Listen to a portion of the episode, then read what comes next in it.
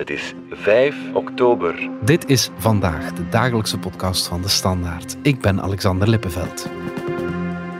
Voor Moskou is het duidelijk: Rusland kan en mag deze oorlog niet verliezen. Maar het gebeurt wel, want ook in het zuiden rukken Oekraïnse troepen nu op. En dus kunnen we er gif op innemen dat Poetin steeds driester uit de hoek zal komen met meer troepen, meer retoriek en zo vrezen we ook met meer wapens of met terreur.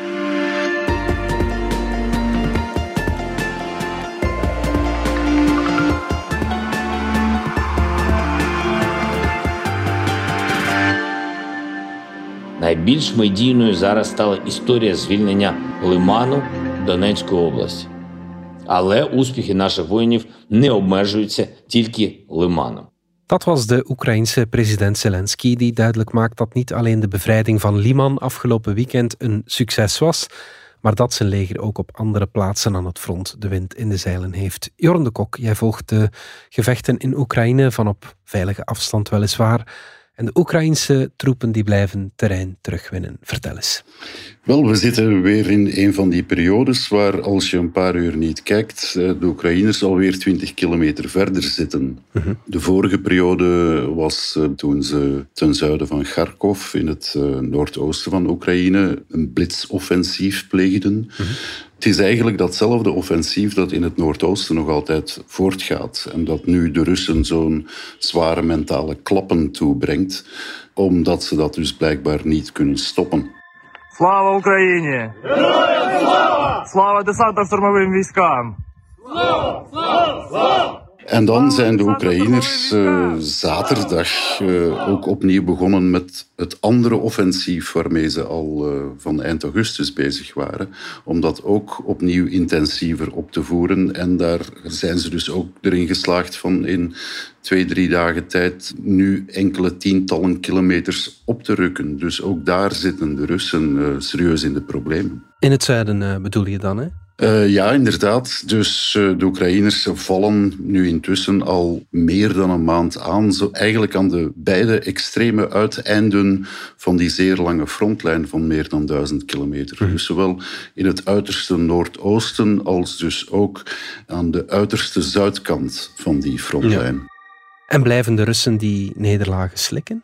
Je merkt dat vooral de val van één klein stadje, Liman, dit weekend, dat heeft een enorme klap toegebracht uh, aan het moreel van de Russen.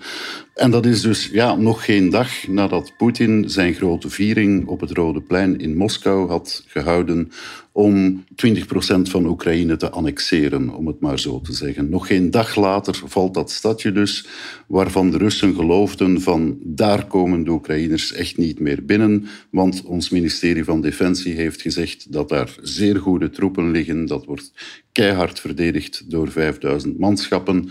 We rukken zelfs versterkingen aan, dus daar gaan de Oekraïners niet voorbij komen. En dus zaterdag, nog geen 24 uur na die show van Poetin, stonden de Oekraïners dus daar.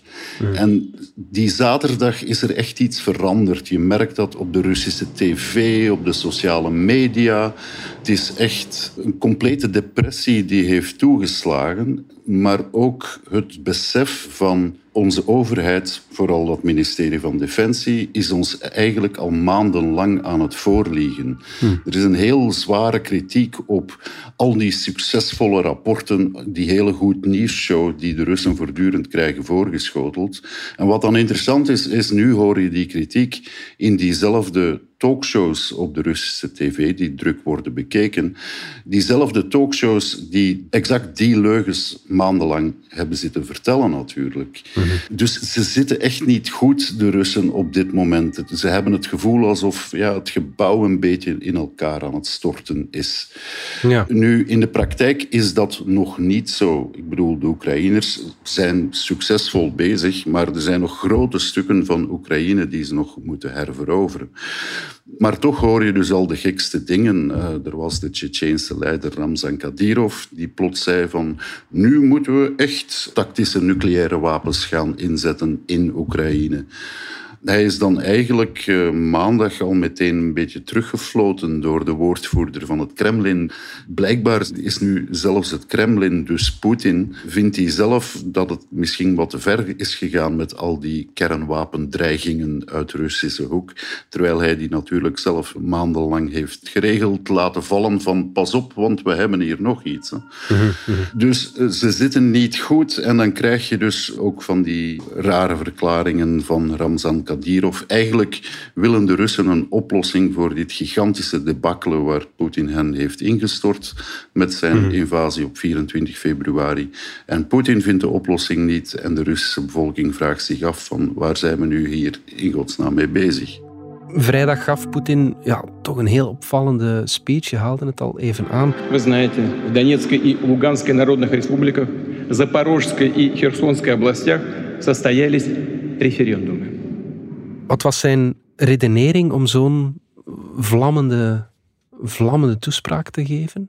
Wel, hij wou duidelijk zijn bevolking iets bieden voor al die miserie die nu intussen al, uh, al zoveel maanden bezig is. Mhm. Dus het moest plots feest zijn.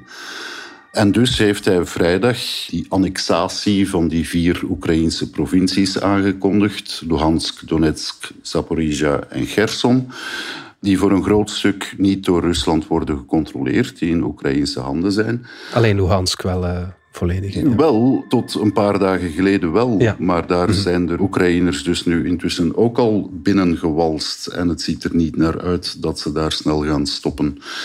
Uh, maar Poetin moest dus iets geven, moest tonen van kijk, jullie mogen denken dat we dit aan het verliezen zijn, maar kijk eens hoe massaal ik aan het winnen ben. Rusland wordt uitgebreid en dat was altijd mijn bedoeling van die invasie van 24 februari. Dus dat moest worden gevierd. Nu, zaterdag, nog geen 24 uur later, heb je dan die val van Liman. Een serieuze klap voor de Russen.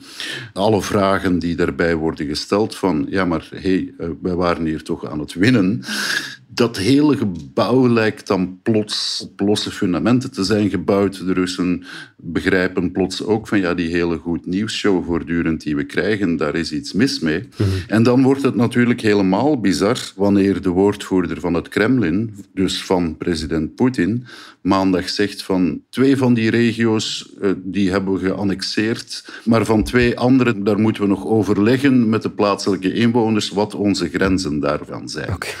Dus vrijdag geeft Poetin de grote show en drie dagen later moet zijn eigen woordvoerder eigenlijk toegeven van ja, we weten eigenlijk niet goed wat we nu hebben gedaan.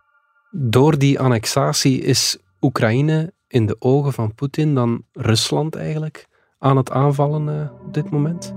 Dat is natuurlijk de truc die hij probeert op dit moment uit te voeren. Dat is die vier Oekraïnse provincies daar zijn schabouwelijk gemanipuleerde referenda gehouden, hè, twee weken geleden, waar uiteraard een Stalinistische score van 97% van de mensen jubelend voor aansluiting bij Rusland koos. Het is altijd 97. Het is altijd, dat is, daar zit iets magisch aan, aan dat cijfer 97. Ja.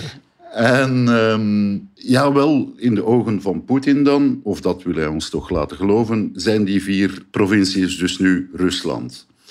Dus Oekraïne is niet bezig met de herovering van Oekraïne. Nee, Oekraïne is nu Russisch grondgebied aan het aanvallen. Mhm. Dus hij probeert die logica om te draaien. Mhm. Nu, als dan een paar dagen later Kremlin eigenlijk moet toegeven, we weten eigenlijk nog niet goed welke grenzen we nu hebben vastgelegd, dan toont dat alweer aan van het plan is blijkbaar toch ook minder doordacht dan Poetin vrijdag de indruk gaf met zijn feest op het Rode Plein. Ja, ja. Dan lijkt een oplossing wel te zijn, ja, ga toch onderhandelen, eh, beste Poetin, uh, met de Oekraïnse president. Maar die staat daar op dit moment niet voor te springen. Hè? Wel, ze staan er geen van beide voor te springen. Het is te zeggen van de Oekraïense president Zelensky, ja, die wil niet onderhandelen over de Russische eis van, ja kijk, geef 20% van jullie grondgebied aan ons en we zwijgen erover. Rusland is binnengevallen. Het doel van Oekraïne is om zijn internationaal erkende grenzen terug te veroveren. Bij Poetin zie je voortdurend eigenlijk, hij heeft vrijdag ook laten weten hè, van kijk, wij hebben nu dat grondgebied geannexeerd, die vier provincies. We weten zelf nog niet goed waar de grenzen liggen, maar als jullie willen kunnen we nu onderhandelen dat is natuurlijk geen ernstig voorstel. Nee. Zeker niet als je weet dat de Russen op dit moment helemaal niet in een comfortabele positie zitten aan die frontlijnen. Het Russische leger is op enorm veel vlakken aan het falen. Maar toch is er altijd die bluff van Poetin van, ja, kijk, als je zoveel grondgebied aan ons afstaat, dan, dan, dan is het goed. Terwijl hij op dit moment eigenlijk niet in een positie zit om vragende partij te zijn. Dus als de Oekraïners dat niet ernstig nemen, dan kan je ze daar wel in volgen. En krijgen de Russen dan alleen maar slaag in de oorlog zelf, buiten dan die retoriek en ook de mobilisatie? Is het vooral ondergaan op dit moment? Aan de frontlijnen duidelijk wel. Dus ze proberen om toch ergens een verdedigingslinie op te werpen die misschien je stand houdt, maar dat lukt hen voorlopig op verschillende plaatsen niet. Op andere plaatsen gaan zij door met artillerievuur. Er bestaat ook de indruk dat ze nu eigenlijk bewust opnieuw meer terreur aan het zaaien zijn onder de burgerbevolking. Er waren in de voorbije week twee incidenten waarbij grote Oekraïnse vluchtelingenconvooien werden beschoten met telkens enkele tientallen doden. Dus in één woord, ze improviseren. Ze proberen een antwoord te bieden op iets wat ze niet meer onder controle hebben. En dat geldt zowel binnen Oekraïne aan die frontlijnen als in Moskou. Eigenlijk, als je teruggaat naar het begin van die invasie, 24 februari, van zodra Kiev niet was gevallen na drie à vijf dagen, zoals Poetin blijkbaar had gedacht, is hij alleen nog maar aan het improviseren geslagen. Er was geen plan voor als dat plan A zou mislukken. En dan zie je dus dingen als ja, plots toch die mobilisatie van 300.000 bijkomende recruten, waarbij er meteen 200.000 jonge Russen naar het buitenland vluchten. Uh, want die willen niet gaan vechten aan dat front. En al zeker niet nu, nu dat ze weten dat het daar zo slecht gaat. Ja. Voordien kregen ze nog de zegenberichten. Nu is dat besef gekomen van het is daar een slachting ook onder de Russen. Dus Poetin zelf is bezig met politiek te proberen de zaken te beheersen. Hij blijft proberen om Europa uit elkaar te drijven. Maar dan hoor je ook berichten van hij is bezig met het micromanagement van wat er aan die frontlijnen gebeurt. Want al die generaals die deugen blijkbaar niet. Er worden aan de lopende band generaals, het zij het slachtoffer van Oekraïnse bommen, het zij van een ontslagbrief, omdat er alweer een frontlijn was ingestort. Dus hij probeert veel dingen tegelijk te doen, want blijkbaar is hij de enige die alles de baas kan. Alleen lukt ook dat niet goed. En een president die een verleden heeft in de geheime dienst, niet in het leger, die frontlijnen gaat beginnen te micromanagen. Ik ben zelf geen militair, maar erg optimistisch kan je daar dan niet over zijn, denk ik. We gaan er even uit voor reclame. Ik kom reclame maken voor... Eh, wacht, voordat je doorspoelt, niet zomaar voor iets. Voor de nieuwe aflevering van de cultuurpodcast Radar. Zaterdag is er een nieuwe aflevering. En we gaan het hebben over Marilyn Monroe.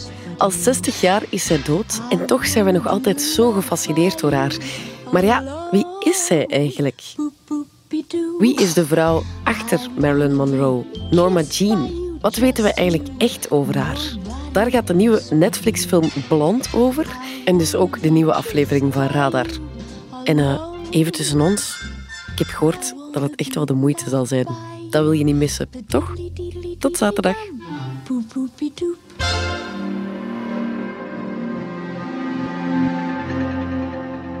Jorn, we hadden het erover dat Poetin niet echt succesvol is met zijn oorlog. En uh, dan komt het moment toch stilaan dichterbij waar wij het meeste schrik van hebben dat hij nucleaire wapens inzet. Komen we daar dichterbij? De angst wordt zeker groter.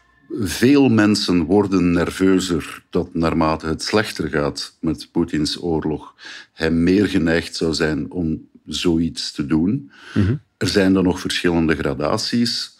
Maar mensen worden meer nerveus als Poetin in het nauw gedreven wordt. Wat gaat hij dan doen? Ja. Tegelijkertijd is het zo, in die Russische talkshows bijvoorbeeld, daar vliegen de kernbommen ons al acht maanden om de oren. Hè. Dus daar wordt voortdurend gezegd van pas maar op of we gooien Londen of New York plat of Berlijn. Dus die retoriek die is er altijd geweest. Poetin heeft zelf geregeld in de voorbije maanden altijd laten verstaan van ja, maar desnoods kunnen we alle middelen inzetten. Wink, wink, hè? Uh, knipoog, knipoog. Maar kan het? Ja, het kan. Ja, en je haalt die schaal van gradaties uh, al aan. Hoe zou het beginnen, zeg maar? Ja. Is dat dan in Oekraïne zelf? Uh... Wel, de verwachting op dit moment is niet, en ik verzin dat niet zelf, bijvoorbeeld de Amerikanen zijn daar natuurlijk massaal mee bezig en laten ook aan de Russen verstaan van wij volgen dit van zeer nabij op, we weten waarmee dat jullie bezig zijn. En uh, zij praten duidelijk direct daarover met de Russen en laten ook verstaan wat een eventueel antwoord kan zijn. Mm-hmm. Dus zo'n grote intercontinentale nucleaire oorlog, die staat ons nog niet te wachten, voor zover we horen. Het gaat eerder over een kleinschalig nucleair aanvaltje. Daar, er bestaan tegenwoordig kleine kernbommen. Hè. Die worden tactische uh, nucleaire wapens genoemd, waarmee je een kleinere kernontploffing kan veroorzaken. Rusland kan dat doen ergens boven zee, boven de Zwarte Zee of op het Oekraïnse platteland als waarschuwing. Oh ja. Kan dat ook boven een Oekraïnse stad doen. Dan heb je waarschijnlijk ja, in één klap een paar duizend doden. Theoretisch kan dat dus allemaal. De vraag is een beetje van ja, welk belang heeft Poetin daar uiteindelijk bij? Omdat we weten allemaal dat de laatste kernbom dat die gevallen is in 1945, dat is 77 jaar geleden.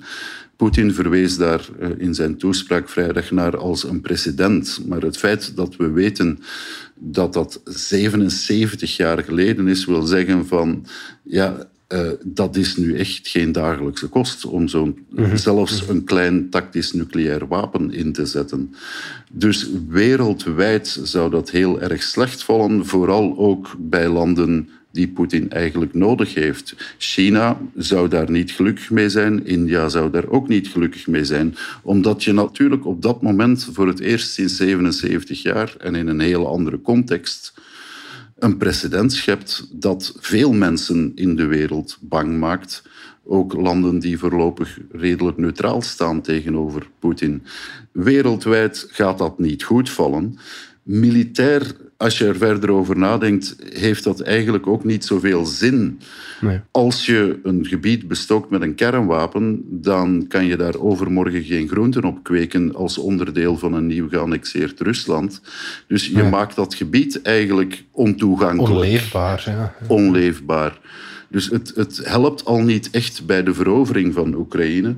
Bovendien stelt Poetin dan zichzelf te kijken als hij was de man die Oekraïne ging bevrijden. Hè? Die de Oekraïners ging bevrijden van het nazi-juk waaronder dat ze volgens hem leefden. En dan gooi je een kernbom op Oekraïners. Ja, dan blijft er van bevrijding niet veel over. Ja, dus de man had al een probleem met geloofwaardigheid. En om zodanig nog verder je eigen geloofwaardigheid uh, in de pan te hakken, dat is misschien zelfs uh, voor Poetin een stapje te ver. Dus zelfs voor Poetin is uh, een kernbom geen mirakeloplossing, zeg maar. Helemaal niet. Het is integendeel iets wat hem nog veel meer problemen gaat opleveren van een andere soort eigenlijk. De Oekraïners geven al duidelijk aan van ja, wat Poetin ook op ons afgooit, wij blijven doorvechten. Zij gaan niet hm. De handen in de lucht gooien. Dus die oorlog die gaat hij niet plots gewonnen hebben. Wat als één klein kernbommetje blijkbaar niet veel uithaalt, moet hij er dan tien gooien. Ja. Wat je ook merkt, en dat is een factor die we soms vergeten, dat is ook bij de Russische bevolking zelf beginnen de angstgevoelens eigenlijk duidelijk door te wegen. Er was een peiling die vroeg naar uh, gevoelens van angst en onzekerheid bij de Russen. Nu, tot twee weken geleden lag dat relatief laag, zeker gezien de slechte omstandigheden in Rusland. Mm Zei 35 procent van de Russen dat ze gevoelens van angst en onzekerheid hadden in deze situatie. Ineens is dat vorige week naar boven geschoten naar 69 procent. Okay. Dat heeft duidelijk te maken met die mobilisatie die Poetin heeft uitgeroepen. En wat je ook hoort is toenemend dat gevoel van, ja, kijk, als wij een kernwapen gebruiken, dan kan er natuurlijk ook iets in onze richting komen. Dus mhm. dat gevoel van de jaren tachtig, van die koude oorlog, dat begint weer door te sijpelen. De angst voor de ondergang van de wereld. Je kan wel dreigen met een kernwapen, maar als je er een gooit, wat is dan de eindstrijd? Hè? Eh, mhm. Dus ook, ook de Russen zijn daar niet ongevoelig voor. En daarom dat je dus ook alweer die woordvoerder van het Kremlin, van Poetin, die maandag zei van ja, laten we niet te emotioneel zo vaak dreigen met kernwapens. We moeten dat niet te losjes doen. Dat was eigenlijk, het klonk als een stapje terug van suggesties die Poetin zelf geregeld wekt. Ja. Het is eigenlijk van, ja, laten we weer rationeel wezen. En dat wijst er voor mij op dat het Kremlin ook beseft dat ze nu in de eerste plaats werk hebben aan het eigen huis. Het Russische leger is duidelijk een rot corrupt gebouw en de gevolgen daarvan zien ze zelf elke dag eh, aan de Oekraïnse frontlijnen. Ze weten dat ze de berichten van de eigen legertop niet mogen geloven. Eh, dus hoe ga je dan, dan de situatie verbeteren als je, niet, als je niet weet wat je mag geloven? En dat hoor je dus ook in die talkshows, op die sociale media. Waarschijnlijk gaat Poetin, denk ik, de eerstkomende weken vooral hard moeten proberen om een vorm van interne controle over de zaken opnieuw te verwerven. Een van Poetins favoriete talkshow-hosts, die zei niet toevallig, denk ik, zondagavond van... Ja, kijk, natuurlijk zouden we allemaal liever direct Kiev platgooien, maar voorlopig kan dat nu even niet. We hebben nu even geduld nodig tot onze nieuwe gemobiliseerde troepen zijn getraind en naar het front komen. Dus die oproep van geduld die er nu plots is, ja. die is er volgens mij niet toevallig. En het zou denk ik wel eens kunnen dat na alle emoties en na de grote feestviering uh, op het Rode Plein, die intussen al een beetje fout is gelopen, dat ook Poetin beseft van ja, ik moet hier eerst mijn eigen zaken op orde krijgen, want anders hmm. gaat het ook aan de Oekraïnse frontlijnen niet verbeteren. En waar gaat dit dan uiteindelijk naartoe, Jorn? Eh, hoe, hoe, hoe kan het eindigen? Aan de frontlijnen is het voor de Russen op dit moment gewoon hopen dat er ergens een defensieve lijn stand houdt. Hmm. De bredere strategie van Poetin, dat wordt ook al maanden gezegd, eh, dat zien we ook aan onze gasfactuur, dat is van als we volhouden tot de winter, dan valt dat bondgenootschap rond Oekraïne wel uiteen. Ja. Dus we zijn er nu stilletjes aan bijna. Ik denk dat hij in zijn hoofd nog altijd hoopt dat over twee of drie maanden dat, uh, dat inderdaad het zo'n koude winter wordt dat Europa uh, wel eens gaat twijfelen aan die steun voor Oekraïne. Ze trekken zich soms op aan rare dingen. Het feit dat Boris Johnson in Groot-Brittannië, een uh, duidelijke uh, bondgenoot van president Zelensky in Oekraïne, het feit dat hij moest aftreden, dat, dat in die Russische talkshows zie je bijvoorbeeld van ja, dat wordt bijna als een Russisch succes beschouwd. Okay. Terwijl er is niks veranderd aan de Britse politiek. Uh, er, is de er zijn de verkiezingen in, in Italië met mevrouw Meloni, die nu aan zet komt, die weliswaar ook pro-Russische sancties is maar wel extreem rechts, radicaal rechts. Dus uh, ze hopen nog altijd dat die winter op een of andere manier toch soelaas gaat brengen. Ja. Een concreet plan zie ik eigenlijk niet komen uit het Kremlin op dit moment. Het is hopen op het beste.